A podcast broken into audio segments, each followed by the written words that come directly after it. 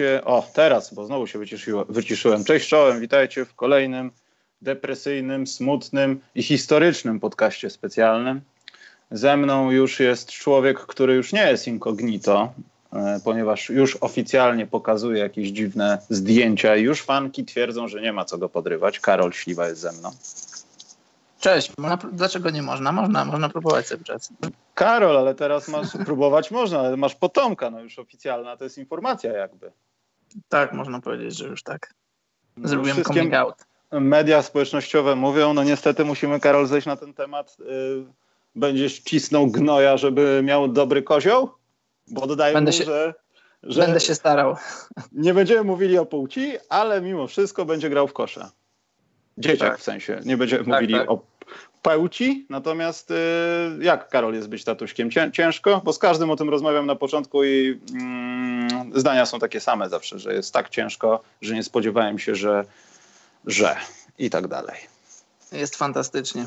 Jesteś fantastycznie nastawiony do tego? Uwielbiasz wstawać no. rano i pupka i tak dalej? Nie, posłuchaj, ja mam dwóch braci i A. Gdy, mój, gdy mój drugi brat się urodził, to ja miałem 20 lat, to wiesz, to dla mnie to są takie sytuacje, że, że ja to pamiętam. Ja wiem, wiem na co się pisałem i wiem jak to wygląda na początku. No i wiadomo, nie jest łatwo. Zmieniasz pieluchy, wstajesz o różnych porach, to dziecko dyktuje, kiedy wstajesz, ale jest w tym I... piękno, jest w tym piękno, wychowujesz kolejnego nowego człowieka, marzysz o tym, żeby wyrósł na wspaniałą postać, na, żeby spełnił swoje marzenia. A fajnie jakby to marzenie to była gra w NBA, żeby mu się udało. Spełnił coś, coś czuję, że czujesz pieniądze. Marzenia coś czuję, że pieniążki jakieś tam czujesz tutaj zaraz, bo będzie draft i tak dalej. Nie, ale poważne pytanie. Bo Dra- draft 2036, no może tak? 37. Czyli jak syn Lebrana i Szaka już będą, y, że tak powiem, zdychać ich kariery bardziej, to planujesz wtedy? Razem z Money Batesem, rozumiem. Tak powiedzmy. Nie, ale takie pytanie już kończące tą twoją e, rodzicielskość, no bo to jest początek i tak dalej, to wiadomo, te wszystkie dziwne rzeczy, których się nie spodziewasz, nadejdą jeszcze. I okres trzylatka to ja już ci współczuję. Za trzy lata nie nagramy żadnego odcinka podcastu specjalnego, bo będziesz miał terrorystę w domu. Natomiast tak poważnie. Może Karol, razem ty... z nami będzie nagrywał. Może, e, może to już robi teraz. E, ale poważnie, jak ty to widzisz, bo wiesz, no mieszkasz tam, gdzie mieszkasz. E, jak ty to widzisz, żeby mm, nie chcę mówić utrzymać polskość, bo teraz jest, wiesz, to słowo strasznie mądre i przereklamowane, ale czy czy masz jakąś y, możliwość, żeby ewentualnie to kupa czasu, wiesz, minimum 7 lat, żebyś wybrał, ale czy chcesz zrobić z niego światowca, czy byś szukał jakiejś polskiej szkoły tam, czy w ogóle, nie wiem, byś chciał wracać do Polski wtedy w jakiś sposób? wiesz, to jest dobre pytanie. Nigdy nie wiadomo, co przyszłość ma przed tobą. Na razie nie myślę o tym, żeby wracać do Polski, ale kto wie, może kiedyś wrócę jak będę chciał wychować dziecko. Będę chciał wychować dziecko na dobrego człowieka. Oczywiście będziemy mówić po polsku, będzie mówił po polsku na pewno, bo w domu będę z nim mówił po polsku. W szkole będzie uczył się szwedzkiego i jakiego tam jeszcze będzie chciał języka dodatkowego. I nie ma z tym najmniejszego problemu, bo mam tutaj znajomych, którzy są, e, wiesz, z takich e, mieszanych rodzin. Ojciec lub matka są spoza, spoza tego miejsca. Mhm i, i te rodziny są dwujęzyczne, czy nawet trzyjęzyczne. To, to z tym nie ma problemu akurat. A no, no, chciałbym, żeby, żeby znał historię Polski, żeby wiedział skąd, skąd pochodzą jego rodzice. Na pewno będziemy Polskę odwiedzać wiele razy.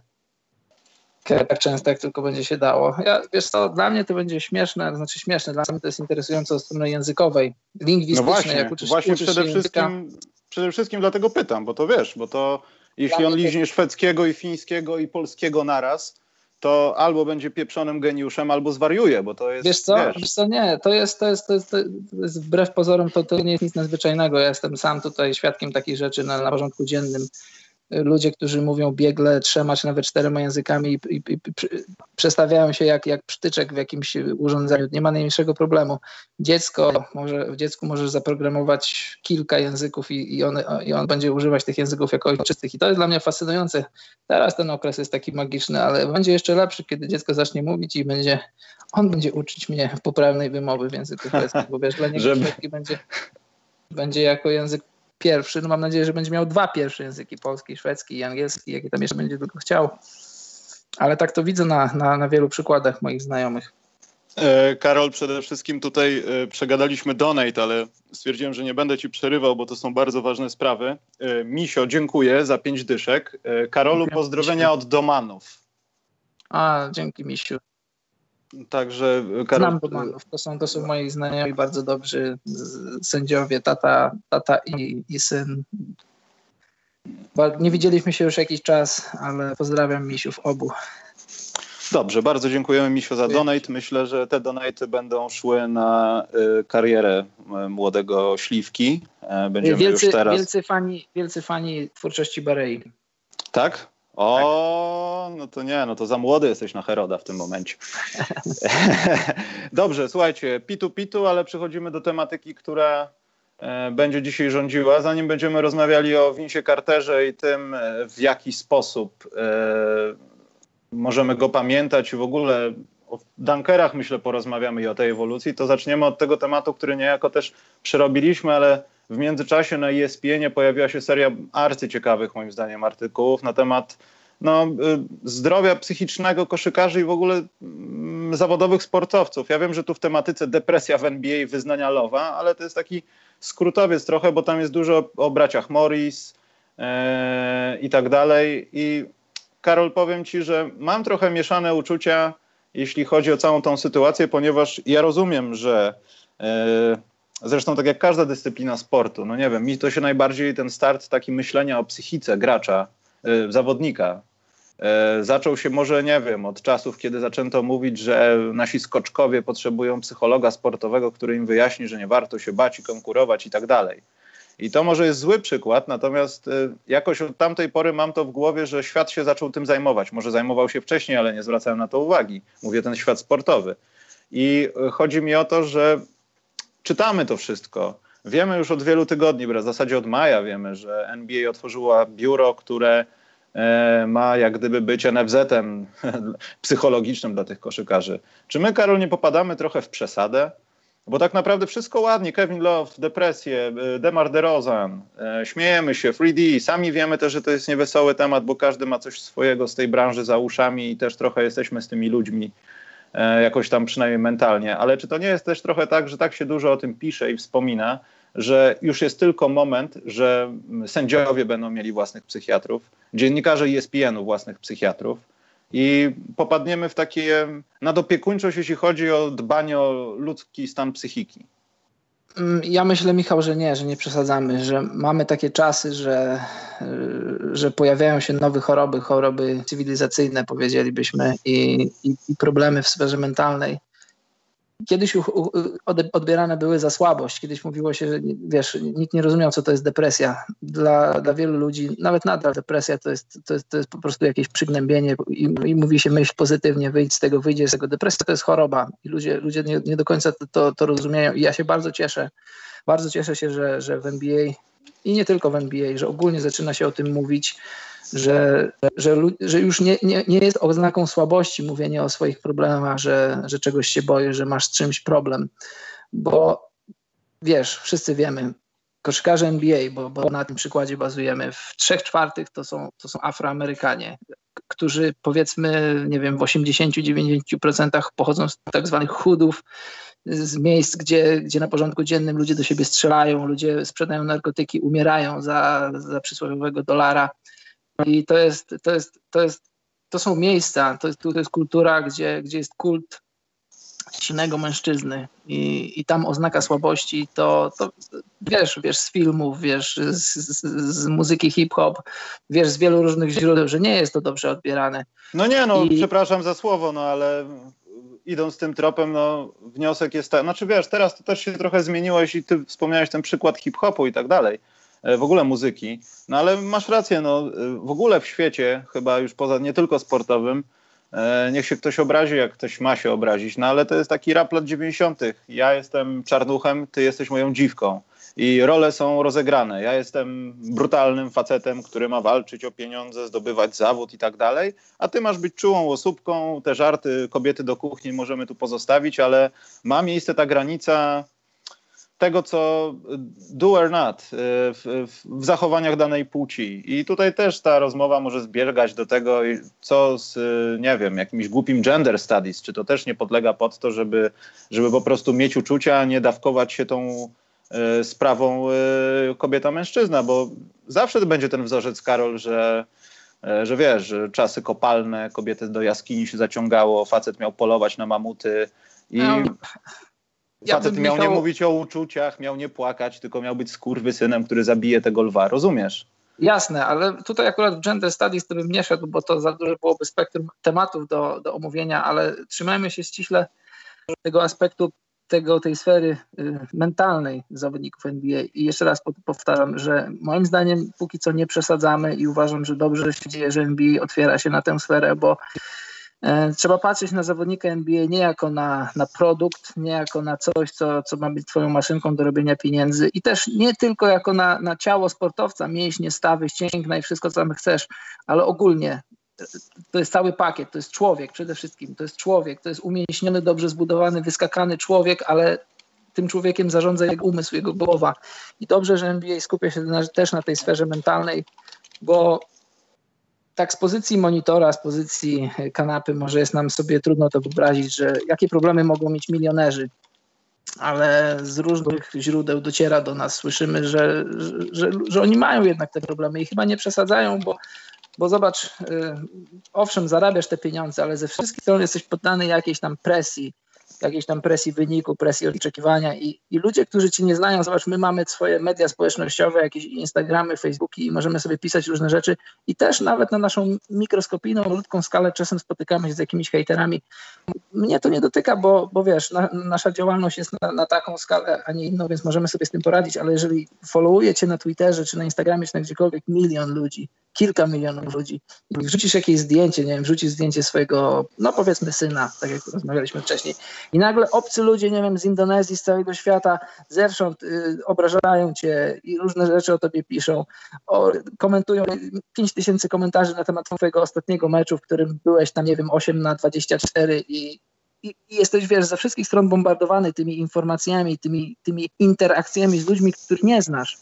I to naprawdę ja, ja dla mnie, wiesz, nie ma problemu z tym, że, że ludzie są milionerami i, i oni muszą, wiesz, and dribble. Ja, ja tak na to nie patrzę, bo masz mniej pieniędzy, masz inny rodzaj problemów. Masz duże pieniądze, jesteś na świeczniku, jesteś gwiazdą, masz też problemy, z którymi musisz sobie poradzić. Są problemy i problemy. Na, różnych, na różnych etapach życia walczysz z różnymi problemami. Jesteś uczniem podstawówki, masz problemy jednego rodzaju, jesteś w liceum, masz problemy innego rodzaju, jesteś na studiach, masz problemy jeszcze innego rodzaju. Tak samo jak jesteś zawodnikiem NBA, masz problemy in, jeszcze innego sortu, innego rodzaju i i jeszcze raz podkreślam, mówię po raz trzeci, bardzo się cieszę, że NBA zajmuje się tą sferą bo to była sfera, która do tej pory była niezagospodarowana moim zdaniem.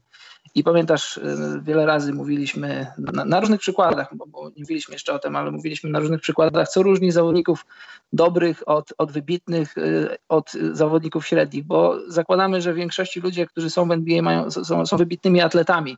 A co ich różni? Różni ta sfera psychiczna, podejście do gry, podejście do treningu, to zaplecze tak zwane, to jak, jak masz w domu, czy masz, czy masz wszystko poukładane, czy masz wszystko dobrze, czy masz gdzie wracać. To są to naprawdę ważne rzeczy.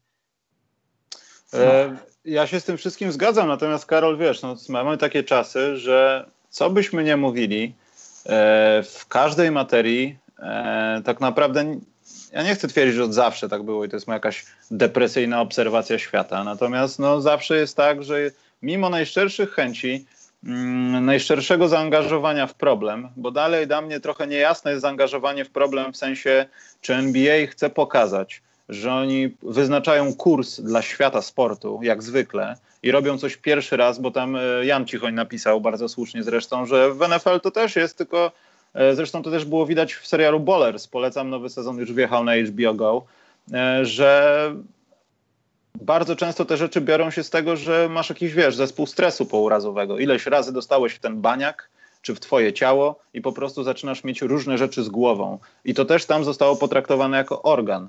Tylko do czego zmierzam? E, czy to nie będzie tak, że już teraz, jeśli komuś gorzej idzie albo nie radzi sobie z presją, on musi koniecznie kierować się do Mental Health Institution.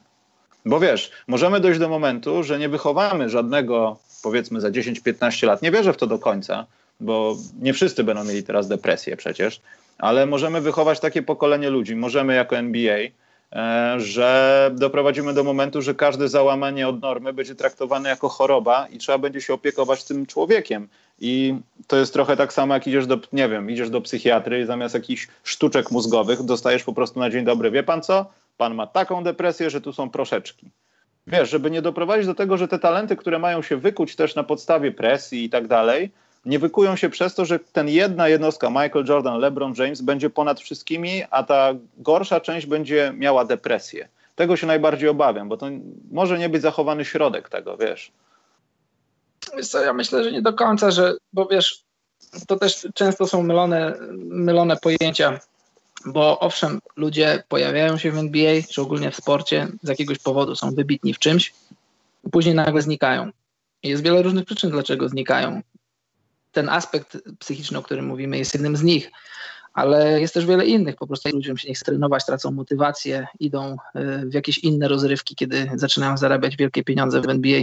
I to, to, to, to że ludzie nie, nie, nie spełniają oczekiwań, które, które były im przypisywane, kiedy przychodzili do ligi, to, to nie zawsze jest, jest sfera mentalna to o to się akurat nie martwię, że to będzie, wiesz, dużo różnych niepowodzeń, różnych karier załamanych, będzie, będzie podciągane pod, pod, sferę, pod sferę mentalną. Może tak być na początku, ale, ale nie sądzę, bo wiesz, jeżeli ktoś wyleci z ligi, bo po prostu mu się nie chciało trenować, no to w jaki sposób możemy mówić, że, e, że tutaj nie zadziałała, że coś, coś z jego psychiką było nie tak. Ale, ale są ludzie, którzy naprawdę mają, mają problemy i tak jak, tak jak nie wiem, czy czytałeś już te, te artykuły na ESPN, czy słuchałeś, Jackie McCollum tak. dała, dała fajny wywiad y, u Wojnarowskiego w jego, w jego podcaście bardzo jak zaczęła był wywiad tak, i szczerze mówiąc, przepraszam, ja jej nie lubię słuchać, bo czasami mnie drażni. To samo mam na przykład z Ramoną Shelburne, ale sprawy, o których pisze i to wiedząc, jakie ma doświadczenie, to naprawdę obiektywnie ryje łeb, a to, co ona zrobiła dla ESPN-u, to jest taka, powiedzmy ludziom, no, że to jest taki, powiedzmy, pięcioczęściowy wywiad, który kolejnego dnia y, wychodził i wychodzi chyba dalej, bo tak, wiem, jakaś tak. część ma być dzisiaj, chyba trzecia bądź czwarta. E, więc y, to też jest ciekawe, że wiesz, że ludzie, o których mówiłeś, że albo sądziłeś, że są nieciekawi przez to, co opowiadają i nie potrafią tego sprzedać, mówią nawet w ten sam sposób o tych rzeczach, jak tutaj o braciach Morrisach i tym, ten cytat strasznie mnie zabił. E, przepraszam, przytoczę go aż. You got respect on, your, on our neighborhood by killing someone. That how messed up it was. I to no pokazuje, no że, że coś jest jeszcze wyżej. Po prostu.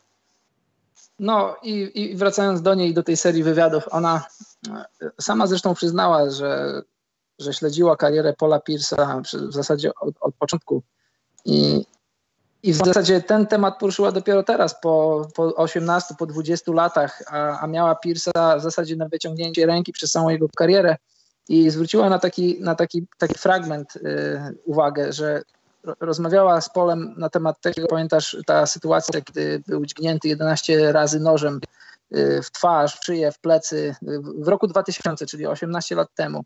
I ona z nim rozmawiała o tym, że, że, że koszykówka była jego, jego jedyną odskocznią, że naprawdę czuł się załamany. I, I, rozmawiali o tym wtedy, wiele lat temu. I on powiedział coś takiego, e, no tak, mam tutaj blizny i w ogóle pamiętam o nich, ale są jeszcze rany, o których, których nie widać. I, I, wiesz, ona wtedy nie pociągnęła tego tematu, bo, bo to były takie czasy, że się o tym nie rozmawiał. I dopiero teraz, po, po prawie dwóch dekadach, po 18 latach, e, wszystko to wróciło i zaczęło się o tym mówić. I, I, bardzo dobrze, że, że zawodnicy mają odwagę, żeby o tym mówić, że to wcale nie jest oznaka słabości, jeżeli mówisz. Broń Boże, broń Boże. Poza tym też, Karol, ej, bądźmy misyjni trochę. No, ja wątpię, żeby słuchali nas ludzie, którzy mają po 15-17 lat, ale też się tacy zdarzają. E, I przeważnie to są starsi słuchacze i mają też jakieś swoje doświadczenia.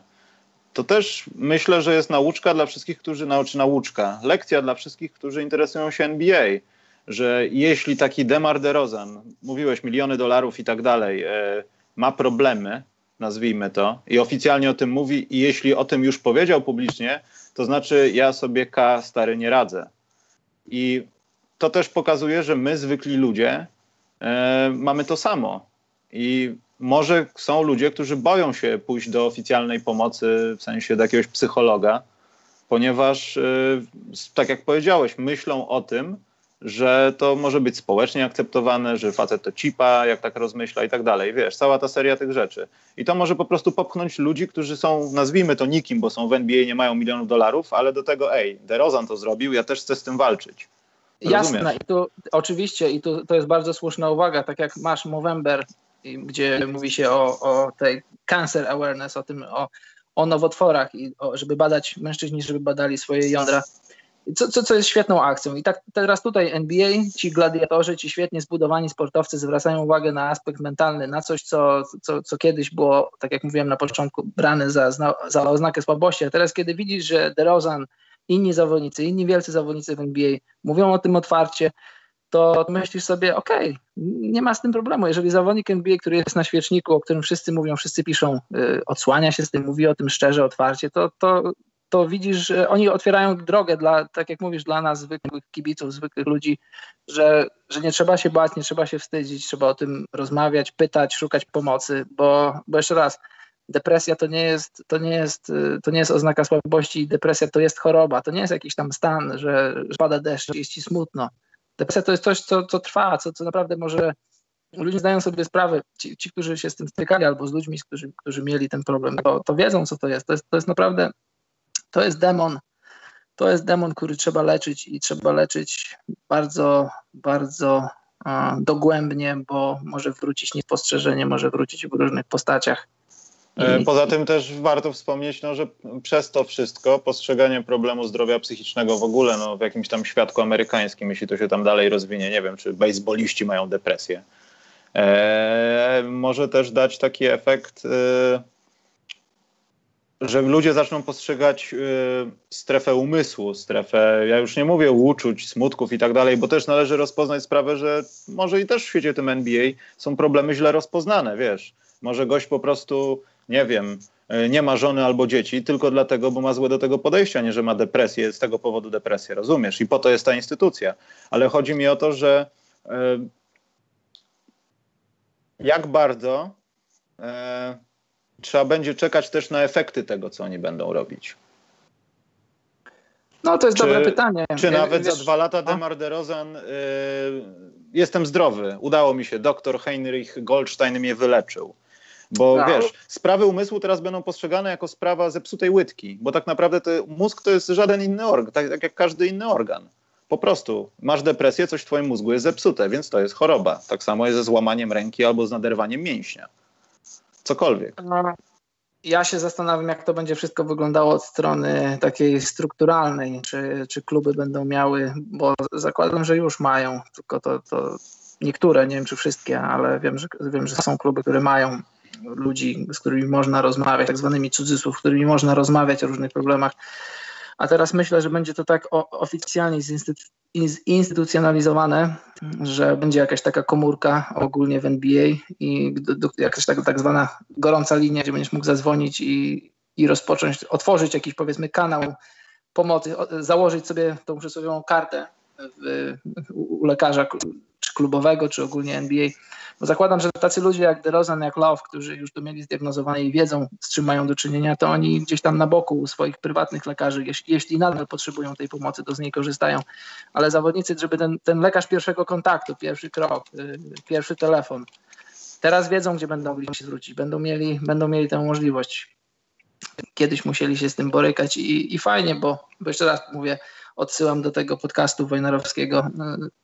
Kiedy McCallum zaczęła się, zaczęła się zagłębiać w ten temat, to, to zawodnicy zaczęli się otwierać i mówić, że, że w zasadzie każdy z czymś się boryka albo się borykał na różnych etapach swojej kariery NBA, czy też życia przed NBA. I to są ważne rzeczy, bo czasem się zastanawia, że zawodnik ma wszystko, czego potrzebuje, tak by się wydawało, a tu nagle e, jest wybiegany, wyskakany, a tu nagle z jakiegoś powodu przestaje grać, przestaje gra, przestaje go cieszyć i to widać po twarzy, widać po, po, po mowie, ciała, mowie ciała. E, Karol, słuchaj, bo mamy tutaj może taki, wiele. No. E, ta, taką myśl na Twitterze i w zasadzie tym możemy też jakoś zamknąć temat. Vincent Wega napisał, że według mnie to trochę przesadzają, ale my Polacy nie wyobrażamy sobie ich problemów, odnosić się do ich przeszłości, skąd się wywodzą. E, wielu, wielu myślę, że bardzo dużo chciałoby się z nimi zamienić i być na świeczniku. Wiesz co? E, nie, nie będę tutaj jechał prywatnie, bo też nie po to tutaj jestem, ale też popatrz w swoim otoczeniu jakimś. Ilu masz tak naprawdę widzisz nieszczęśliwych ludzi, którzy w jakiś sposób marnują swój potencjał? E, że wiesz, ktoś jest świetny w czymś, ale się załamał, bo go nie wiem, e, rodzice mu umarli, ojciec mu umarł, nie wiem, dziewczyna zostawiła, przyszedł rozwód, ktoś go zdradził. To jest ta sama półka. To jest ten sam problem, tylko w innej skali, o czym Karol mówił wcześniej. I to, że oni mają miliony dolarów, ale mają depresję, no to milionem dolarów w Polsce jest często to, że po prostu, nie wiem, nie umiesz pracować, bo masz jakieś smutki albo coś, coś takiego. To jest kwestia skali po prostu. I też szczerze mówiąc, nie wyobrażam sobie, jak można mieć tyle pieniędzy, taką wolność, w zasadzie sky is the limit, w momencie, kiedy wiesz, że nie możesz żyć. To jest, musi być strasznie trudne. Nie, nie, nie wyobrażam sobie takiego uczucia, szczerze mówiąc. Dla mnie to jest abstrakcja, ale jeśli tak jest, to sorry. No dobra, Karol, masz coś do dodania, czy wjeżdżamy na weselsze Mam coś do dodania, bo, bo no. temat tego, że sportowcy zarabiają dużo, e, dla wielu ludzi za dużo, to jest temat też bardzo ciekawy do, do przedyskutowania. Ja zawsze jestem za, za sportowcami, bo ktoś mówi, że Robert Lewandowski zarabia tyle, że no, czy, czy wiesz, ogólnie piłkarze, że musiałbyś się 150 razy urodzić, żeby zarobić tyle, co, co on zarobi w rok, a ty, ty w 150 razy, w 150 życiach nie zarobisz tyle. Wiesz, dla mnie nie ma z tym problemu. Może te pieniądze i są demoralizujące, ale co, chciałbyś, żeby sportowcy pracowali za 1700 brutto, 1700 zł brutto. Oni zarabiają tyle, ile ktoś chce im zapłacić i, i, i zawsze było tak w historii, w historii cywilizacji, czy to byli gladiatorzy, czy to byli jacyś inni ludzie, których ludzie przychodzili obserwować, płacić bilety, żeby ich obserwować. Oni zawsze zarabiali dużo, zawsze byli majętni, bo, bo ktoś chce zapłacić za to, żeby ich oglądać. To są reklamy, to są sponsorzy. To jeżeli, jeżeli kluby generują zyski na poziomie miliardów, to dlaczego ci sportowcy, ci atleci, ci gladiatorzy naszych czasów nie mieliby zarabiać milionów? Ja nie mam z tym najmniejszego problemu. A jeżeli, wiesz, by, być może wydaje nam się, że tutaj teraz w pozycji takiej, w jakiej jesteśmy, że chcielibyśmy być problem, mieć problemy Derozana, czy Lowa, czy kogoś innego, mieć na koncie 150 milionów dolarów i mieć te problemy, które mają. Ale tak sobie myślę, że dajmy na to, że zarabiasz powiedzmy jeden sezon jesteś w NBA i zarobiłeś jakąś tam określoną ilość pieniędzy. No i kupujesz sobie wszystko w sferze materialnej, wszystko, co tylko chcesz, dom, samochód, no wszystko, powiedzmy wszystko. No i co później? Co później robisz z tymi pieniędzmi? Kupisz sobie, no nie wiem co, kupisz sobie jacht, kupisz sobie kilka posiadłości, ale co później, wiesz, nie, wiesz o co mi chodzi, że codziennie wkładasz do talerza, do garnka to samo, co inni ludzie, którzy, którzy zarabiają normalne pieniądze. Jesz ziemniaki, mięso, warzywa, owoce, pijesz soki, różne rzeczy. Ty, ty, ty nie, nie, nie, nie żywisz się, nie wiem, jakimś tam złotem, y, platyną, rozumiesz o co mi chodzi. Na pewnym mhm. poziomie, na pewnym poziomie już, już egzystencji prowadzisz takie samo życie jak wszyscy inni to, że możesz sobie pozwolić na, na różne inne rzeczy, to, to, to jest jakiś miły dodatek do tego, ale wiąże się z tym wiele innych rzeczy, które wydaje mi się, że jestem w stanie zrozumieć jako człowiek, który milionerem nie jest. A, uskramniasz się, ale, e, ale, ale masz rację jak najbardziej. No i to jest taka rzecz też, e, która te zwykłe rzeczy tak bardzo kręcą w sporcie, nie? że widzisz te podobieństwa, tylko nie możesz sobie wyobrazić i obyśmy nigdy nie stanęli przede wszystkim przed taką sytuacją, że mamy wszystko, ale czujemy się jak gówno, bo to jest straszne i każdy, kto z was tego będzie słuchał, na pewno miał jakieś chwile w życiu, gdzie tak o sobie myślał. I teraz porównajcie sobie właśnie to, co Karol powiedział do tego z Derozanem. Powtarzam, to jest straszne. Jeśli to ma wpływać na grę, to jak najbardziej się zgadzam, tylko boję się tego, że to będzie rozwiązane tak, że wszyscy nagle raptem będą chorzy i tak naprawdę nie wiesz, kto jest chory. I obym, czyli tak jak, nie miał racji. Czyli tak, jak wszystkie, czyli tak jak wszystkie norweskie narciarki mają astmę, tak? No tak, no to hipotetyczna sytuacja. Wyobraź sobie za 5 lat Liga NBA, kiedy ten system działa w taki sposób, jak tam po pokazano, że czyli wchodzi ten czwarty filar, już w ogóle są szpitale i pasy dla najbardziej nerwowych, bo tak ma podobno być, żeby to było rozbudowane do takiego, nie lubię tego słowa, ale do powiedzmy takiego delikatnego psychiatryka. I załóżmy masz grupę graczy, którzy wiesz o tym, że są ekstra, ale grają 1 na 10 od pół roku. Wcześniej zastanawiasz się dlaczego, czy to rotacja, czy to system, a teraz będzie wtedy, za te pięć lat, będzie myślenie w tą stronę, a może jednak ma depresję i boi się powiedzieć.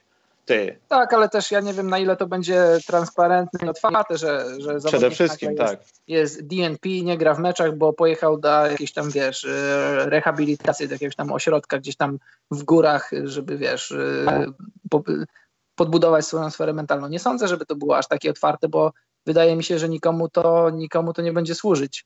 Ale no nie wiem, jestem bardzo ciekaw, tak jak powiedziałem, jestem ciekaw, jak to będzie od strony, od strony takiej czysto technicznej będzie wyglądało.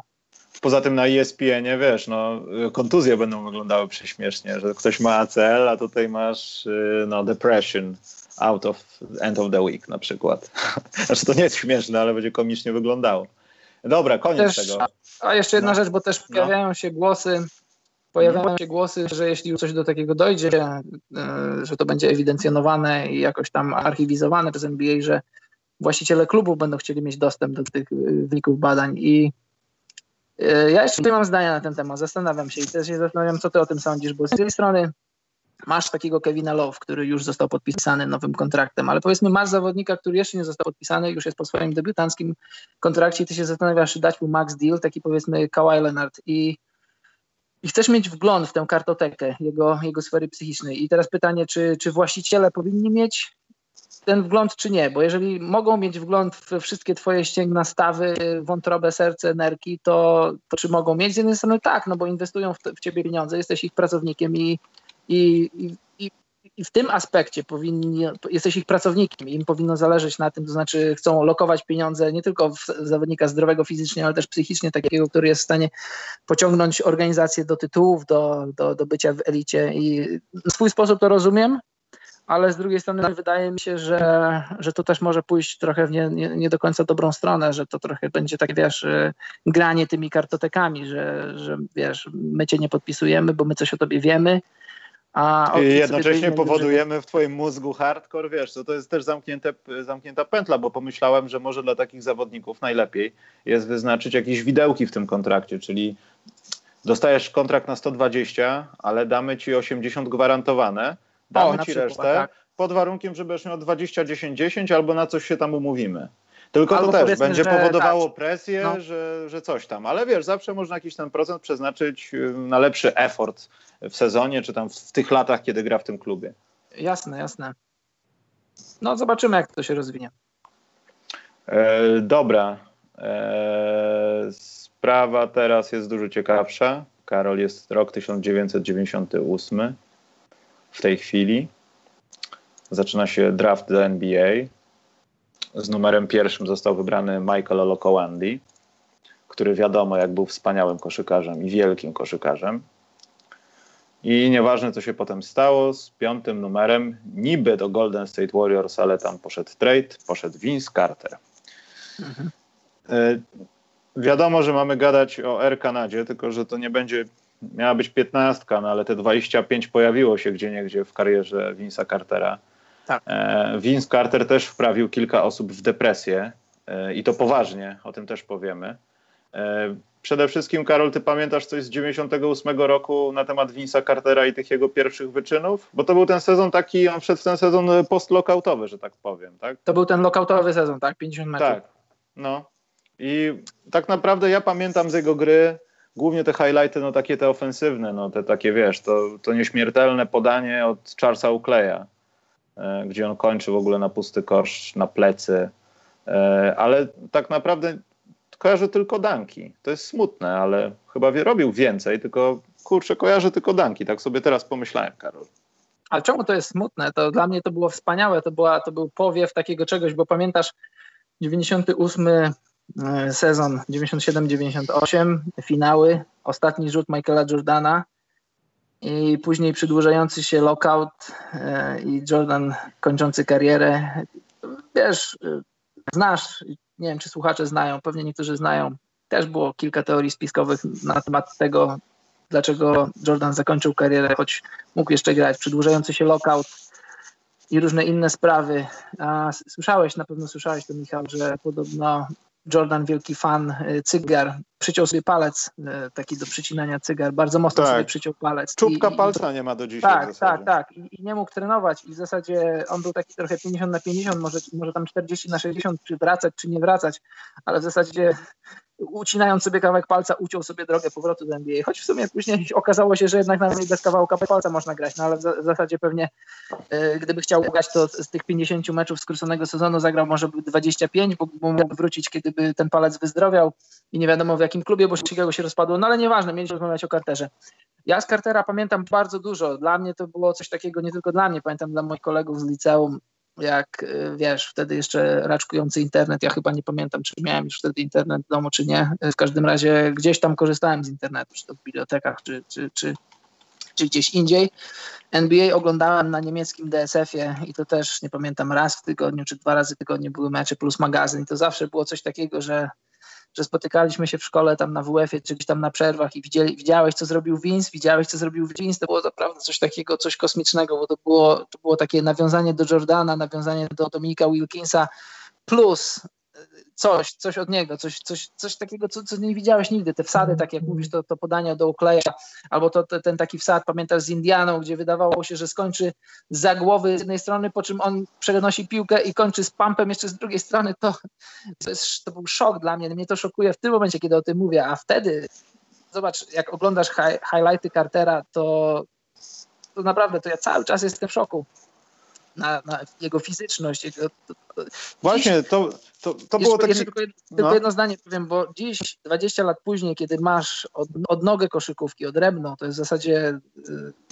profesja, zawodowi dankerzy i oni rozwijają wsady na, do, do niebotycznego poziomu, takiego, który nie śnił się kiedyś 20 lat temu, ale wtedy, kiedy, nie wiem, wydawa, wydaje mi się, że wtedy jeszcze dankerów nie było jako takich i pojawia się Vince Carter, który robi, ta, robi, takie rzeczy, które dziś bronią się, bronią się na tych, na tych parkietach, gdzie, gdzie występują profesjonalni dunkerzy, to jest dla mnie coś, bo, bo to było naturalne, bo, bo Vince Carter nie był dunkerem profesjonalnym, tylko był przede wszystkim koszykarzem, świetnym koszykarzem, na drugim miejscu dunkerem. I naprawdę dla mnie to był szok i, i do dziś to jest szok.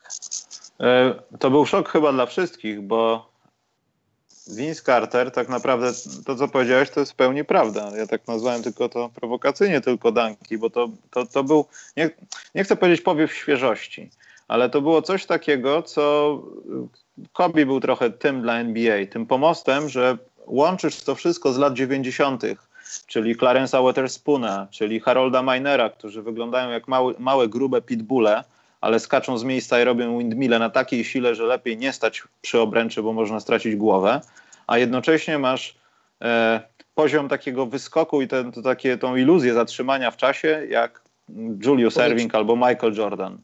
Powietrzu. Że czas się zatrzymuje tak, że wisisz w tym powietrzu i nagle coś z niesamowitą mocą jest kierowane w obręcz. Poza tym też, e, no nie oszukujmy się, część z tych danków no jest dzisiaj jakąś tam podwaliną tych dzisiejszych danków, no bo to, co zrobił tak. Vince Carter pod nogą, on owszem, robił to w szkole średniej i robili to ludzie przed nim, ale to w jaki sposób zrobił, to teraz tylko widzisz marne kalki na, na YouTubie, tylko że goście mają po 6 stóp, jeden cal na przykład, to bardzo prawda. świętym gralem teraz chyba w ogóle internetu i podobno Team Flight Brothers y, zrobili nagranie z Willem Bantonem, gdzie on robi to dwa razy, w sensie najpierw podkłada pod jedną, potem pod drugą i daje z góry. Ja widziałem trzy, cztery takie podejścia i skończyły się naprawdę bardzo blisko, ale jeszcze nigdy nie weszły do kosza, przynajmniej zostały udokumentowane. I to jest, to jest też pokazanie tego, że od tamtej pory minęło 20 lat i, no. i nie będziemy mieli nowych karterów, ale będziemy mieli Zajona Williamsona na przykład, który może być jakąś kolejną abrygacją, jeśli chodzi o te danki. Jeśli chodzi o wagę, siłę, nie wiem jak z jego mobilnością podczas tych danków, bo na przykład LeBron dla mnie nigdy nie potrafił robić dobrych wsadów, ponieważ no, nie było widać w tym, że robi pełny windmill taki ładny, wiesz. Nie było tego widać po prostu aż tak bardzo. To nie było takie czyste i soczyste, że tak powiem. Ale, ja się zgadzam, ja się zgadzam no. z tobą co do, co do, co do Lebrona, bo LeBron wprawdzie skacze bardzo wysoko, na pewno jego dosiężny to, to jest coś imponującego, ale tak jak mówisz, ja zgadzam się z tobą, że tego hang time'u troszkę brakuje LeBronowi. Oczywiście tu mówimy na, na skalę wybitnych ludzi, bo oczywiście LeBron to ma, ale jeśli porównujemy do Cartera, no to Carter pływał w powietrzu, latał, zatrzymywał się w powietrzu, e, a, a LeBron też robi świetne wsady, ale, ale to, nie jest, to nie jest ta półka, co, co, co więcej. Chciałem powitać pierwszy, przy, prawdopodobnie jeden z najwyższych wyborów draftu z Europy. Filip Siewrok jest z nami. Cześć Filip, dlaczego nie trenujesz? E... No nie trenuję, bo nas słucha. Dobrze, więc Filip posłuchaj, e, bo Karol powie teraz. Czy twoim zdaniem, Karol, konkurs, bo ja dalej mam problemy, ale chyba rozstrzygnąłem sobie to już przynajmniej na jakiś najbliższy czas. Czy konkurs 2000 to nie był najlepszy w historii ever, w ogóle ever, ever? Nawet za Ronem Gordonem, którego też pamiętamy od niedawna?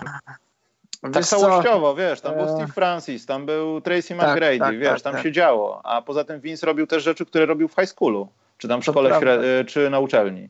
Wiesz co, dla mnie to jest bardzo trudne pytanie, dlatego że ten, ten konkurs 2.16 z Lawinem i z Gordonem widziałem na żywo, z bliska, z pozycji parkietu. No, wiesz, no widzisz. I perspektywę mam trochę inną, bo, bo tamten, tamten konkurs 2000, pamiętam, 2000 pamiętam, już miałem internet, ale to nie był super szybki internet i ja te wsady musiałem sobie pół dnia ściągać, żeby sobie je obejrzeć. I wiesz, to jest magia, bo ja później miałem możliwość, tak jak każdy, obejrzeć je sobie inaczej, lepiej. Ale wtedy tak na świeżo to było coś, z jednej strony coś magicznego, no bo to było 20 lat temu, byłem, byłem jeszcze dzieckiem i uczyłem się tej koszykówki, ale widzieć to wszystko z pozycji parkietu, to co ja widziałem, to co zrobili Gordon z Lawinem e, i ogólnie poziom tego konkursu. Ja bym powiedział, że mam te dwa konkursy na równi jako dwie jedynki. A gdzieś tam na drugim, na trzecim miejscu mam konkursy z Jordanem i z Dominikiem Wilkinsem, bo naprawdę, tak jak mówię, gdybym, gdybym 2.16 oglądał w telewizji, to pewnie nadal 2000 miałbym na jedynce, a 16 na dwójce, a z racji tego, że widziałem to bliska i naprawdę perspektywa trochę się zmienia, to, to, to 16 mam na równi na jedynce z, z tym konkursem 2000, bo bo ten konkurs 2000 był magiczny nie tylko ze względu na Cartera. Oczywiście Carter to, było, to był Carter, potem przez no, nie chcę powiedzieć długo, długo nic, chcę powiedzieć raz długo nic. Potem był Tracy McGrady, jego kuzyn, potem byli Steve Francis. Trzeba pamiętać, że ten konkurs ogólnie to był bardzo dobry konkurs. Tam było dużo wsadów, które na, przy innych okolicznościach, gdyby Vince nie brał w, tym, w nim udziału, to wielu innych zawodników mogłoby to wygrać, bo tam było dużo fajnych wsadów. McGrady'ego, Francisa i no, ten konkurs stał na dobrym poziomie i, i mam i 16 i 2000 na, na, na jednym na jedynce, na pierwszym miejscu.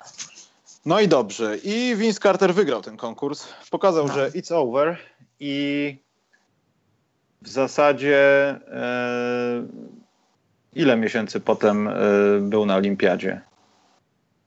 To był no to było, no, październik? Mamy, mamy styczeń, luty, a olimpiada 2000 roku była na przełomie sierpnia i września. Pamiętam, że finał olimpijski to był początek września, bo już szkoła się zaczęła. E, ustalę to chyba tak. No, dobrze, bo mam odpalony akurat ten, ten moment. Zresztą widzieliście tytułowe zdjęcie e, podcastu. Vince Carter zrobił rzecz, która myślę, może zrobił ją Giannis trochę w zeszłym sezonie. Nie. Ale na arenie międzynarodowej to była rzecz, której tak. nigdy, nigdy nie było i nie wydaje mi się, że będzie to dostępne w jakikolwiek sposób przez kogokolwiek zrobionego, czyli ten dank śmierci na Frederiku Weissie. Tak, ja, nie, wiesz co, nie, to jest... To było morderstwo. tak, było ten, morderstwo. Ten tak, ale ten wsad Janisa, to, to, jest tak, Janis jest wyższy, większy, e, przeskoczył przez Hardawaya, z tego co pamiętam. Tak. Hardaway jest, jest dużo niższy, Hardaway nie ma dwóch metrów i, i to nie był wsad taki jeden do jednego, tylko to był alejup.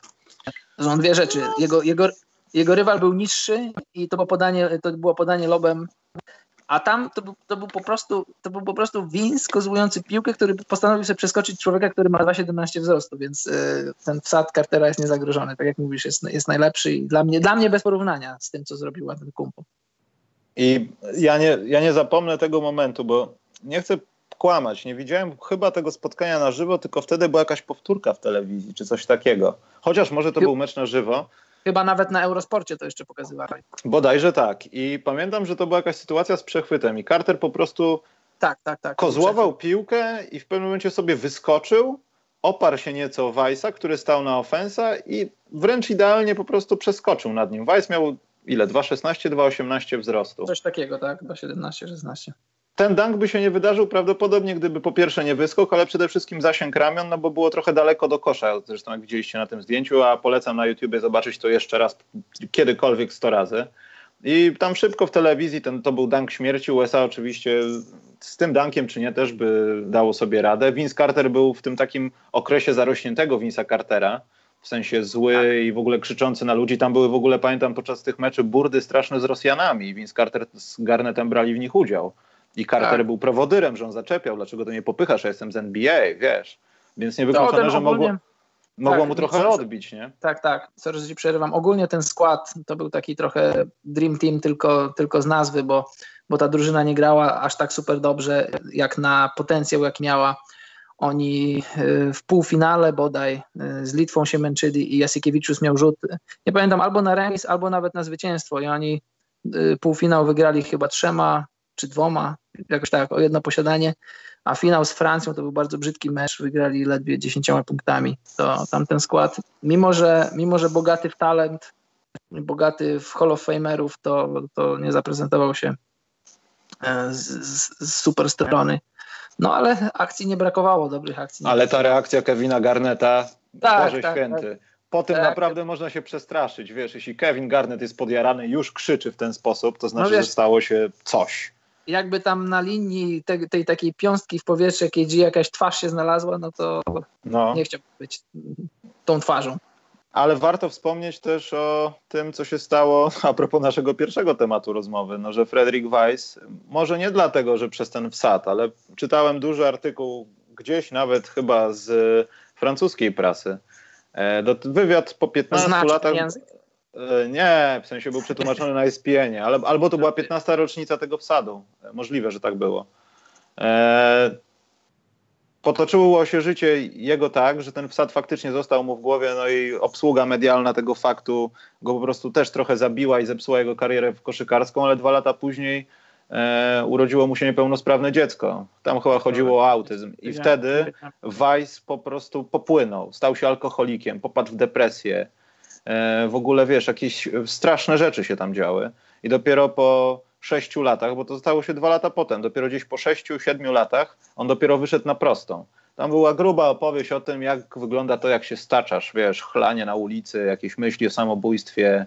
E, poza tym on chyba miał próbę samobójczą w 2008 i 2007 roku i chyba dlatego go to wyprostowało. I on też tam mówił w tym wywiadzie, że podczas mojego toku myślenia wszystko zaczynało się Vince Carter, moje dziecko, alkoholizm, rozwód i tak to wszystko się potoczyło. Także wiesz, taka głupia sprawa, ale Frederick Weiss, no bez tego wsadu pewnie też by źle skończył, jeśli tak by się potoczyło jego życie, ale to była kolejna taka rzecz, która wiesz, ryła mu głowę.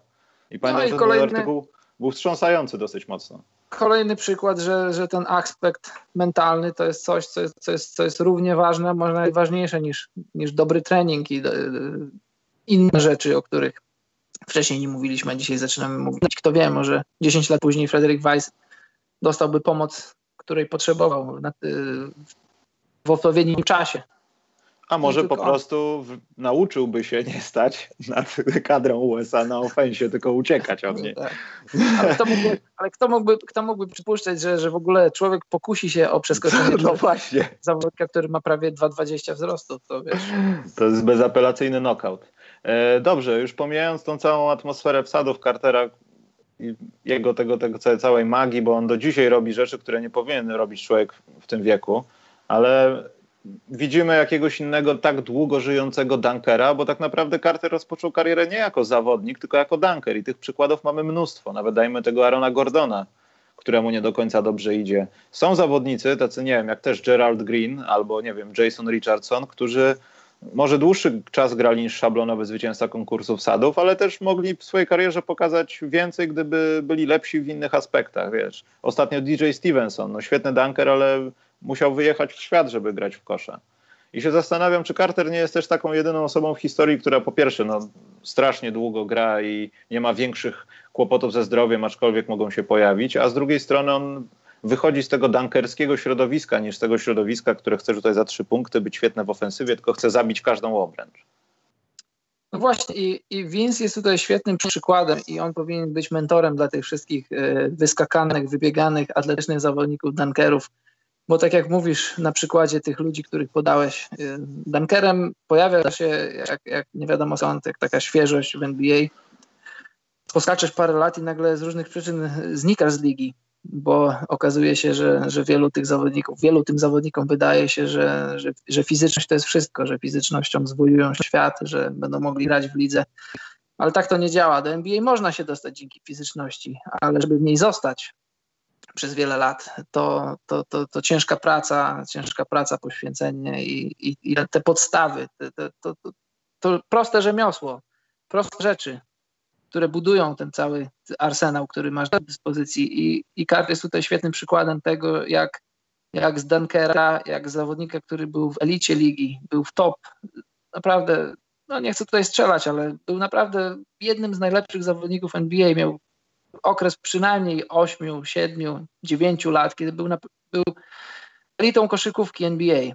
I on już od samego początku zorientował się, że, że to, to nie wsady to będzie coś, co pozwoli mu zostać w NBA, bo zwróć uwagę, że już w swoim drugim sezonie w NBA trafiał, trafiał za trzy punkty. W pierwszym roku to, to, to wiesz, to raz, to był skrócony sezon, to był specyficzny sezon, bo od y, bodaj stycznia do, do kwietnia trzeba było wcisnąć 50 meczów i, i niby, niby to jest 50, y, a 82 to jest o 32 mecze mniej, ale jeśli pomyślisz, że że tych 50 meczów trzeba było wcisnąć od stycznia do kwietnia, to, to tam grało się back to back, to back to back i czasami wychodziło po 5 meczów na tydzień. Naprawdę był ciężki sezon.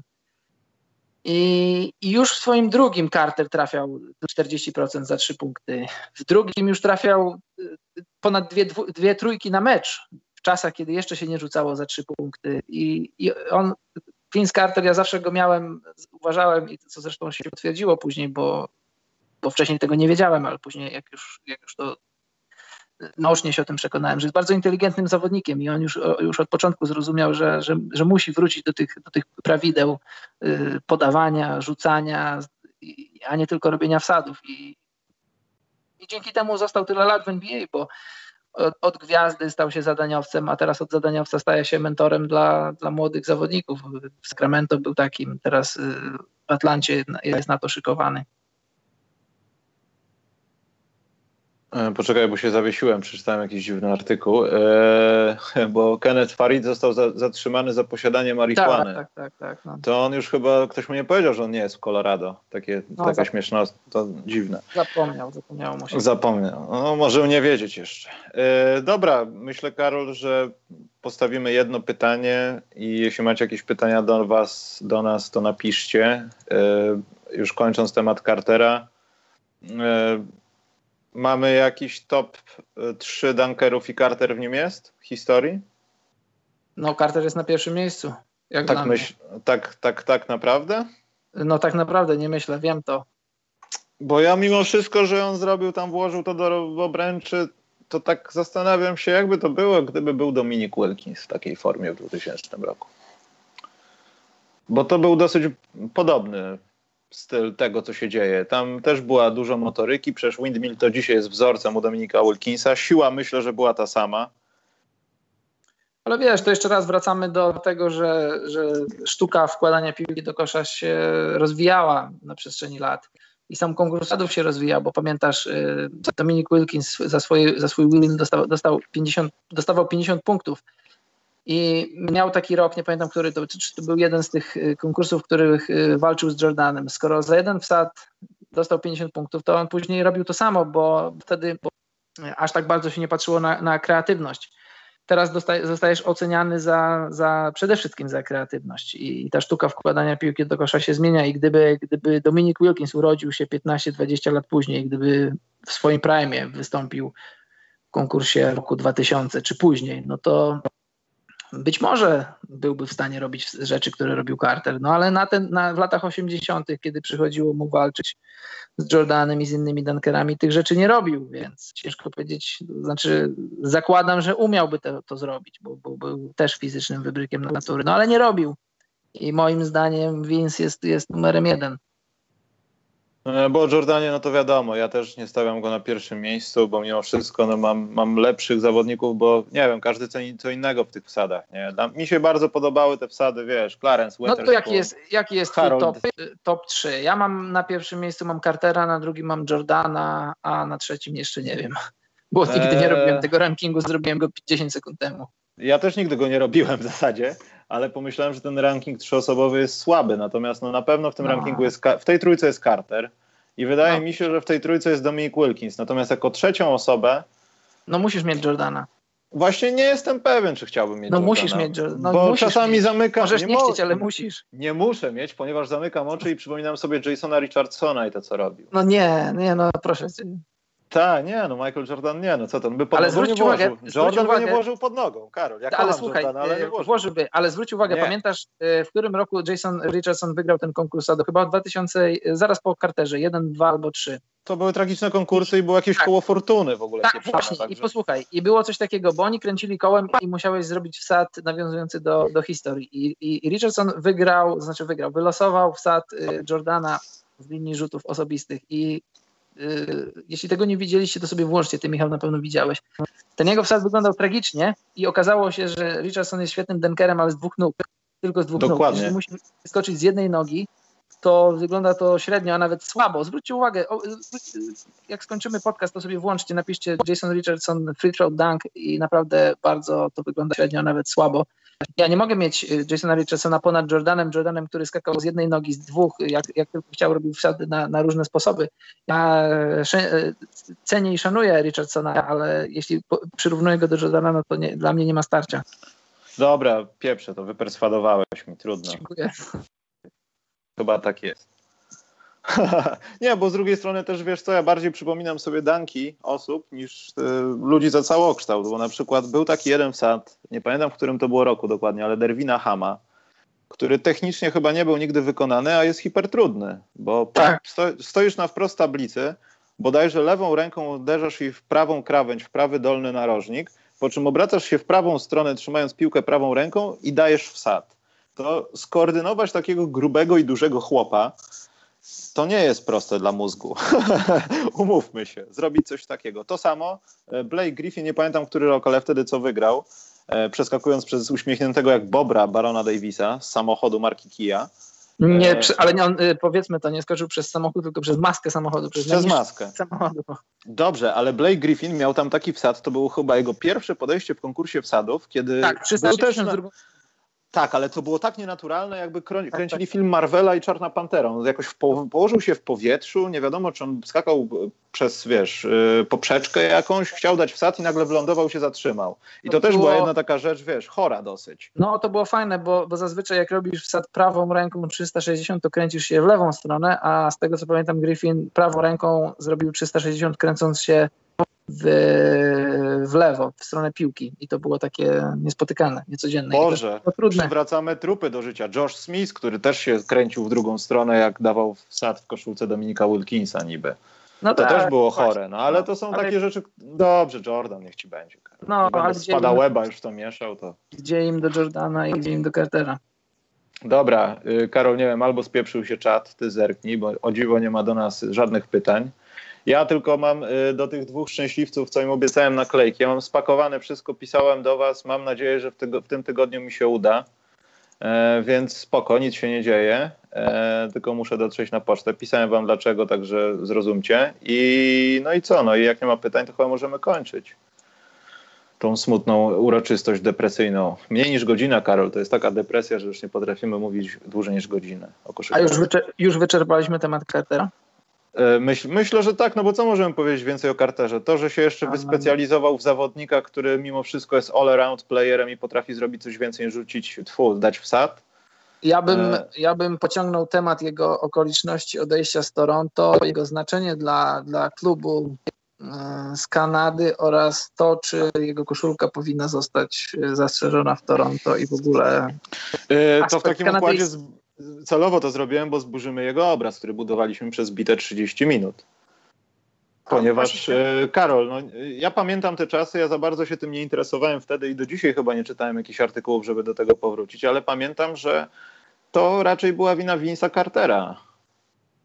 E, pamiętam czasy, kiedy Vince Carter był obrażony na kibiców, oni na niego buczeli, bo on sam na sam z koszem miał dać super paczkę i rozpieprzyć kosz, a tu się kończyło lejapikiem po prostu, nonszalanckim spatrzeniem e, na, wiesz, na, e, na publiczność z takim, po, e, takim pożałowaniem. Ja wiem, że tam coś mogło być w tym managemencie nie tak, albo w doborze kadry, że to Toronto się męczyło jak tylko mogło, i tak naprawdę nie osiągało większego celu, ale i tak robiło robotę na plecach Cartera. E, natomiast ja to źle wspominam. Przede wszystkim dlatego, że Carter się chyba nieodpowiednio zachowywał, ale ja mogę po prostu, wiesz, być nakarmiony historią stamtąd. Ja, ja też tak to się... źle wspominam, ja też to źle wspominam, bo pamiętasz, y, on miał, on zagrał w Toronto 6 lat, 6 bardzo dobrych lat i to były lata e, to były lata, które w zasadzie pozwoliły drużynie z Toronto zostać w NBA, bo, bo Vancouver niestety nie utrzymało się w Kanadzie, a ja śmiem twierdzić, że gdyby nie Carter, to, to Raptors podzieliliby los. Bo, Wiesz bo co, może jeszcze... nie... Daj mi dokończyć, bo to nie no. był jeszcze klimat w Kanadzie na koszykówkę i, i dzięki Carterowi ludzie po prostu przychodzili do, na te mecze. Z różnych przyczyn on odszedł i też czy możemy go za to winić? Myślę, że no, możemy i nie możemy. Wiesz, zaczęliśmy podcast od, od rozmawiania o sferze mentalnej. Może coś tam było na rzeczy, może męczył się w, w Kanadzie, a to wiesz, to jeszcze, to jeszcze nie były takie czasy jak, jak dziś, że, że wiesz, że Kanada to nie jest zesłanie, że Toronto to jest, to jest wiesz, możesz jednym tchem wymienić Chicago, Nowy Jork i, i inne wielkie miasta i to, to jest naprawdę przyjazne miasto do życia, ciekawe, które ma, które oferuje, wiesz, bardzo bogato, bogatą e, sferę, jeśli chodzi o życie nocne, jeśli chodzi o restauracje i inne rzeczy. I ogólnie to jest piękne miasto. Carter odszedł i tak jak mówisz, te, tych 20 meczów w sezonie 2004-2005 to były brzydkie mecze. Carter rzucał tam po 15 punktów na, na, na starcie i, i, z jakiegoś powodu postanowił, że nie będzie robił wsadów i to, to brzydko wyglądało. Ludzie zaczy, zaczynali buczeć i on, widać było, że on chce odejść i jak odszedł, to z miejsca zaczął produkować dla, dla jeszcze wtedy New Jersey, New Jersey Nets i tam, tam rzucał po 27 punktów, czyli 12 więcej niż, niż, niż w Toronto, w którym, w którym zaczął sezon. No ale powiedziawszy to wszystko, prawda jest taka moim zdaniem, że, że tak jak powiedziałem, że gdyby nie Carter, gdyby nie to w jaki sposób grał, ta jego eksplozywność, to, to, to drużyny w, w Kanadzie nie byłoby w tym momencie. Może by była, ale w innym mieście i w innych okolicznościach by powstała. Fakt, że te trudne lata Toronto przetrwało, to, to jest zasługa Cartera i też miałem okazję to widzieć z bliska w Toronto, jak, jak Vince przyjechał już jeszcze wtedy z Memphis Grizzlies i naprawdę miasto Toronto i kibice i pracownicy klubu i w ogóle ludzie, którzy jeszcze wtedy pracowali, naprawdę wszyscy mu wybaczyli i, i naprawdę jest, jest bardzo szanowany, bardzo lubiany. No bo nie wiemy, jak to było, jakie były okoliczności, ale pewnie, pewnie trochę złych rzeczy było zarówno po stronie Cartera, jak i po stronie klubu, bo, bo klub nie wygrywał, a Carter może miał, może miał takie przeczucie, odczucie, że, że jego najlepsze lata koszykówki trochę są marnowane przez zły management, na który zwróciłeś uwagę. Ale ostatecznie po latach y, topór wojenny został zakopany i oni wszyscy się szanują. I teraz moje pytanie jest, nie wiem, czy to jest pytanie zasadne, czy jego koszulka powinna zawisnąć pod kopułą ACC, bo, no bo jednak wiele zrobił dla, te, dla tego klubu. Mimo, że to jego rozstanie, jeszcze raz powiem, rozstanie było w złych okolicznościach się odbyło, ale to, co zrobił dla, dla, dla miasta i te wszystkie wsady, które zrobił, na, ty, na tych koszulkach jest napisane Toronto i tego nikt nie zmarzy. To swój najlepszy basket, chociaż można się spierać, czy swój najlepszy basket grał w New Jersey, ale te swoje najpiękniejsze, najfajniejsze wsady to chyba moim zdaniem wykonał w koszulce Raptors. I jak mm. myślisz, Michał, czy powinni jego koszulkę zawiesić? Wydaje mi się, że powinni, bo tak jak naprawdę to wiesz, to to już nawet nie chodzi, kim on był, co zrobił i tak dalej, ale patrząc przez pryzmat tego, co się działo tam na, na przestrzeni wieku, Boże, co jesteśmy starzy, to e, sam fakt tego, że był i doprowadził tam Toronto nawet do tego punktu, że Vancouver Grizzlies po prostu z, zwinęli się z interesem i przenieśli się do Memphis. Bo no mieli właśnie. już tego po prostu dosyć, bo wybierano Briana Reevesa, który nadaje się do sprzedawania rzepy, ale nie grania w koszykówkę. I tam było masę złych ruchów y, managementowych, jeśli chodzi o dobór nowych graczy, nawet ten expansion draft. No widać wyraźnie, że Toronto zrobiło robotę. Może to była zasługa tego, że Toronto wtedy już było większym ośrodkiem niż Vancouver, który być i mówi się dlatego o ich powrocie do NBA, tak? E, I uważam, że jak najbardziej, ale też no, tutaj powstaje głębsze pytanie, to w takim układzie, kto jest ważniejszy dla Toronto Raptors historycznie do tej pory? Chris Bosch czy Vince Carter? No ja dla mnie nie ma wątpliwości, że Vince Carter. Chris Bosch zagrał. E, ale wiesz, Chris Bosch też miał może mniej, ale też ciągnął ich na plecach do świetnych wyników i czasami mało brakowało, żeby sprawili niespodziankę w playoffach. Wiesz. I... No, nie wiem. Musiałbym się nad tym zastanowić, ale no dla mnie na ten moment, czy masz jakieś argumenty, które by mnie przekonały do tego? No bo tak, no Chris się starał i zagrał bodaj 7 lat, 7 tak, 2010, kiedy przyszedł do Miami. Zagrał 7 lat, no to nie były złe lata, to, to, ale Toronto nie wygrywało w tym czasie. I też y, robił rzeczy, które. No teraz jest pytanie, czy czy to jest coś podobnego, to jest ten sam poziom, co robił Kevin Love w Minnesocie, czyli, czyli dobre statystyki w słabej drużynie, która nie wygrywa. No, czyli Kevin Garnett w ten, w Minnesocie, no. No właśnie. Tylko że, tylko, że KG parę razy wszedł do, do playoffów i, i. No i miał trochę lepszych to... graczy, ale mówię przez pod kątem no. zostawania w tej samej drużynie na dobre i na złe, mimo że kiedyś w końcu się kończą ci szanse na to, żebyś mógł tam wytrzymać. Wiesz. No, ale Bosch grał w playoffach y, z Raptorsami dwa razy na przestrzeni, na przestrzeni tych siedmiu lat, kiedy z nimi grał. Za każdym razem odpadał w pierwszej rundzie. No ja, ja mam Cartera powyżej, powyżej Boscha. Wiem, Ale myślę, że obaj będą egzystować. Znaczy, Carter, to myślę, że to się powinno stać tylko w jakiś kulturalny sposób, bo wiesz, bo to mogą być jeszcze jakieś sprawy. Vince jest z tego, co wy, wyda, wygląda w tych wszystkich materiałach, jakichś jego y, wywiadach z zawodnikami. Pamiętam jakąś rozmowę ze Stevensonem, DJ-em Stevensonem, to ma dunkerów i tak dalej. Y, to jest spoko gościem, tylko że fasada może być taka, opinia może być inna i to może być na przykład taki problem, jak kiedyś się pojawił niedawno, że Gary Payton mówił o tym, że y, no to w takim układzie w tym Seattle nie będzie drużyny NBA, ale ja bym powiesił swoją koszulkę w takim układzie może w Thunder z logiem NBA, no bo oni się stąd wywodzą, tak? I wiesz, i i mo może być w tym problem. Tutaj w Toronto nie ma tego problemu, ale może być problem w niedogadywaniu się, ale wydaje mi się, że to jest kwestia czasu, jak to nastąpi. No. Ten numer musi być zablokowany. 15? Dla, w ogóle on nie jest zablokowany jeszcze, bo Vince Carter gra, no i to chyba jest jasne, no ale ta jego kariera długo nie potrwa i myślę, że do 2020, przynajmniej początku, to będziemy oglądali na League Passie transmisję z tego przed meczem w jakimś momencie sezonu. No właśnie. Y, no, z tego, co, z tego, co Carter mówi, to będzie jego najprawdopodobniej ostatni sezon, no bo on teraz jest najstarszym zawodnikiem NBA, więc. E, w Sacramento Kings.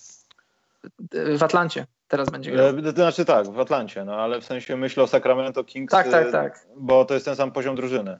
O to mi chodzi. No, no. Ale, ale będzie w drużynie, która się, no po prostu. No niestety, chociaż stety czy niestety, wiesz co, ja powiem ci, też tak po cichu liczyłem, że, że Carter może wróci do Toronto i to by był takie, taki symboliczny powrót, takie, taka historia zatoczyłaby koło, bo Raptors zapewne będą grać w playoffach i będą pewnie, jeśli Kawhi będzie zdrowy, będą walczyć o wygranie wschodu i gdyby Carter był w tym składzie takim trochę, takim trochę mentorem, trochę jeszcze grającym zawodnikiem, dającym coś z ławki, to, to fajnie by to oglądało. Ale też myślę sobie, że, że fajnie zrobił, że poszedł trochę pod prąd, że nie stara się za siłę, no, nie stara się na siłę walczyć o ten tytuł, bo w sumie tak, tak na koniec dnia, co, co by to zmieniło, gdyby na przykład poszedł do Warriors, czy, czy nie wiem, do, do Rockets, tam jakiejkolwiek drużyny, która by sięgnęła po tytuł w przyszłym roku i zakończyłby karierę. Jakieś by to miało symboliczne znaczenie, ale jakie by to było ukoronowanie dla, dla, dla jego kariery? Co by to zmieniło?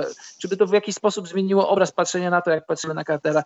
On miał swoje lata, kiedy grał w Toronto, czy w New Jersey, czy, czy tam później w Orlando, czy Phoenix czy w Dallas później, że, że grał w playoffach, miał szansę wygrywać, był w elicie ligi i, i prowadził swoje drużyny i wtedy miał szansę prowadzić ekipy do, do tytułów. Z różnych przyczyn tego nie zrobił i teraz czy w jakiś sposób to dodałoby jego karierze, gdyby miał tytuł i czy odejmie jego, jego karierze, jeśli tego tytułu nie będzie miał. Ja uważam, że nie do końca i fajnie, że, że Carter nie, nie ulega tym presjom, że, że po prostu gra, bo lubi grać w koszykówkę i też znajdzie jakieś tam motywacje do tego, żeby jeszcze grać, że, że na przykład być mentorem w szatni dla zawodników to jest coś, co dla niego będzie na tym etapie ważne i zresztą taka będzie ro, jego rola, po to został sprowadzony do Atlanty i to ja to szanuję. Znowu włączyłem sobie mikrofon, żeby nie oddychać do słuchawki. W zasadzie teraz mi się przypomniało, bo zrobiłem sobie takie małe notatki. Ty wspomniałeś o tym, Karol, więc ja tylko podkreślę ten fakt, że Carter nie tak dawno miał, był jednym z lepszych gości, którzy rzucają trójki w playoffach.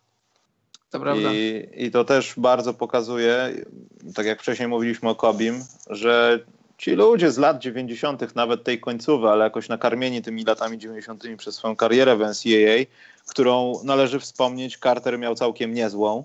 Tak. E, I był taki jeszcze jeden jegomość, który też przepadł w ogóle gdzieś w lidze, który nazywał się Atam Jamison i też potrafił pięć dych rzucić i na luzie.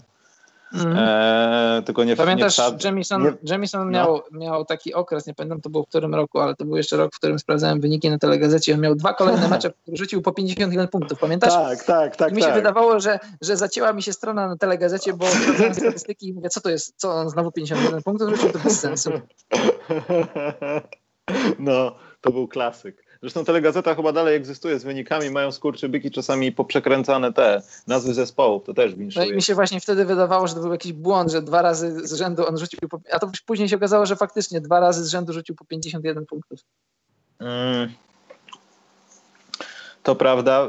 Yy, właśnie, dlaczego numer 25? Bo tak naprawdę Carter to 15, ale dwa razy mu się zdarzyło w Dallas chyba 11, nie, ale 12, 14 Dallas I Phoenix grał z 25. I, I z Phoenix, tak, 4 tak. lata, 4 lata. Mm -hmm. to, to, to, nie tak mało, to powiedzmy 20% jego kariery. To, to, to prawda.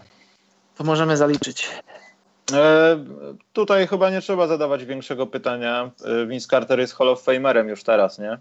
Na pewno, na 100%. Bez żadnych wątpliwości. Ja nie mam. Dobrze. Nie posłucham. E, poczekaj, sprawdzę, czy mamy jakieś pytanka. Jak nie, już mamy godzinę i minutę, także wiesz, możemy jak coś. 11 minut, także wiesz, jak coś. To jest posag Lusi. Chciałem to samo powiedzieć. jak coś, to jest posag Lusi i ten. I domu nie ma, bo spłonął. I, I Vince Carter jest e, w top 10, e, jeśli chodzi o najlepszych strzelców za trzy punkty all time. I to jest naprawdę coś, co robi wrażenie, bo tak jak jeszcze raz wracamy do początku jego kariery i na przykład myślisz o jakimś Geraldzie Greenie, czy o jakimś tam Jasonie Richardsonie, czy innych wielkich dunkerach i gdyby ktoś ci powiedział, że na koniec swojej kariery Vince Carter będzie specjalistą rzutów za trzy punkty, to nie wiem, czy, czy tak na dzień dobry by się z tym zgodził. A Vince Carter jest w tym momencie na ósmym miejscu, jeśli chodzi o najlepszych strzelców za trzy punkty all time i to jest coś. Tylko jest jedna taka smutna rzecz, że mamy 2018, niedługo całkiem nawet 2019 i no tak, Carter i... rzucający nie. 100 samo co Steph Curry w trzech meczach czasem. No przesadziłem, ale wiesz o co chodzi. No. Kwestia no jasne, pierdzielu. Także ja szanuję to, że nastąpił progres, bo ten progres jest y, wyraźny, wiesz. Teraz patrzę na statystyki, dwa pierwsze debiutanckie sezony, no to w total w trójkach oddanych y, w pierwszym sezonie jest 66, ale wiadomo, no rukisi i tak mają. E, natomiast drugim jest już tam 200, 300 i procenty utrzymują się w okolicach 40 tak, w pierwszych tak, no. dwóch latach, trzech latach, oprócz tego pierwszego sezonu. Potem jest spadek taki przez 3 lata na blisko 40, 38, tam raz 34. Ale potem znowu gdzieś Tak, ale potem znowu 40, znowu 30, dwie 40, same 30 i tak naprawdę od 2013, 2012-13 Vince Carter nie przekroczył 40% y, w rzutach za trzy punkty. No, ale to i tak jest dobrze, to nie jest źle. Takie 30, nie, ale mówię, mówię, wiesz, o rozwinięcie, nie? To jest tak no, jak no, nauczyć tak. teraz Marcina Gortata nagle rzucać za trzy punkty. To jest ta sama akcja. Przecież on nie będzie miał y, pięciu podejść na mecz, tylko będzie miał góra jedno, wiesz, i czy trafi, czy nie trafi, to ten procent się trochę zawyża, bo po prostu ma mało podejść ale sama ewolucja tego jest jak najbardziej super. No jestem ciekaw, jak mu pójdzie w tej Atlancie, czy to będzie symbol tylko, czy coś tam będziemy widzieć, wiesz, może się przebierze za Domika Wilkinsa na przykład raz i coś tam w koszulce będzie świrował. Na pewno będzie jakiś vintage day, NBA będzie to pompowało. No dobra, słuchajcie, kończymy. Dla przypomnienia, dzisiaj rzuciłem e, moim zdaniem ciekawy podcast z Karolem Waśkiem dotyczący Polski, kadry ligi naszej, tego skąd Karol kradnie informacje, kto ile zarabia nawet pada, są różne rzeczy. Jeszcze nikt nie dzwonił z zarządu żadnego klubu, bądź też z PLK, także jeszcze nie ma sensacji, ale tak poważnie ciekawe, ciekawych rzeczy można, no, można posłuchać i jak śledzicie Karola, interesujecie się polskim basketem albo chcecie się interesować, to tam Karol Wasiek wyłuszcza wszystko, to wrzuciłem w zasadzie dwie godziny przed tym, jak weszliśmy, także to jest świeże. Z tej, Charles e, właśnie, Info. Charles Info, dokładnie. E, w dodatku jest taka historia z Karolem, że nagrywaliśmy to I to w zasadzie było wczoraj wieczorem i bardzo dobrze z mojego punktu widzenia, że to się stało, bo inaczej bym chyba robił sobie w pęcie wąsy. E, nagrywamy i Karol w pewnych momentach, i ja mu chyba jeszcze o tym nie powiedziałem, to nie jest żaden zarzut, ale to było śmieszne, że Karol jak ktoś opowiadał i był tak bardzo zaangażowany, to widać było, że stuka ręką w biurko, jakby wiesz, coś tłumaczył gestykulując i, i tak widziałem, że wiesz, że to, to nie jest normalna wypowiedź prasowa, tylko że tam Karol coś włożył od siebie, także to, to, to tym bardziej jest fajne. Yy, no, to co? To tyle, Karol. No, uwijamy się. 26 jeszcze nie mam pomysłu, o czym może być. Nie wiem, kiedy będzie, może w tym tygodniu, może w przyszłym, nie mam pojęcia. Ale myślę, że wymyślimy coś. Masz, Karol, pomysł na 26? Mam, ale oczywiście teraz go nie zdradzę. A, to bardzo dobrze. Podoba mi się ta koncepcja. A od koncepcji jestem tutaj ja. Ona jest słuszna, ta koncepcja. To bardzo słuszna jest ta koncepcja, bardzo, bardzo. I to od GIS trzeba dać od razu, Karol. Od, od razu od GIS. Dobra, słuchajcie. Dzięki dzisiaj. Misio, dzięki za donate. Dziękujemy. Trzymajcie się i do następnej razy. Dobranoc, mili ludzie.